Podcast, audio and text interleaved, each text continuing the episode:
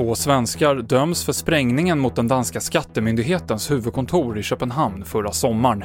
Den kraftiga sprängladdningen orsakade skador på byggnaden för över 8 miljoner kronor och det flög splitter 80 meter från ingången enligt Danmarks Radio. De två svenskarna får fyra respektive fem års fängelse. USAs president Donald Trump måste lämna över sina deklarationer, slog Högsta domstolen fast för en stund sedan.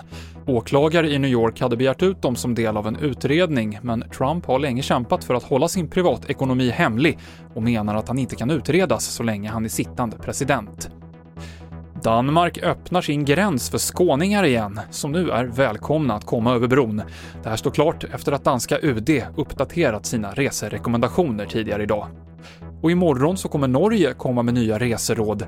Enligt en kartläggning av tidningen Världens Gang så är det flera svenska regioner, Blekinge, Kronoberg och Skåne, som uppfyller kraven för att invånarna ska få resa in i Norge. Hittills är det bara gotlänningar som har grönt ljus. TV4-nyheterna med Mikael Klintevall.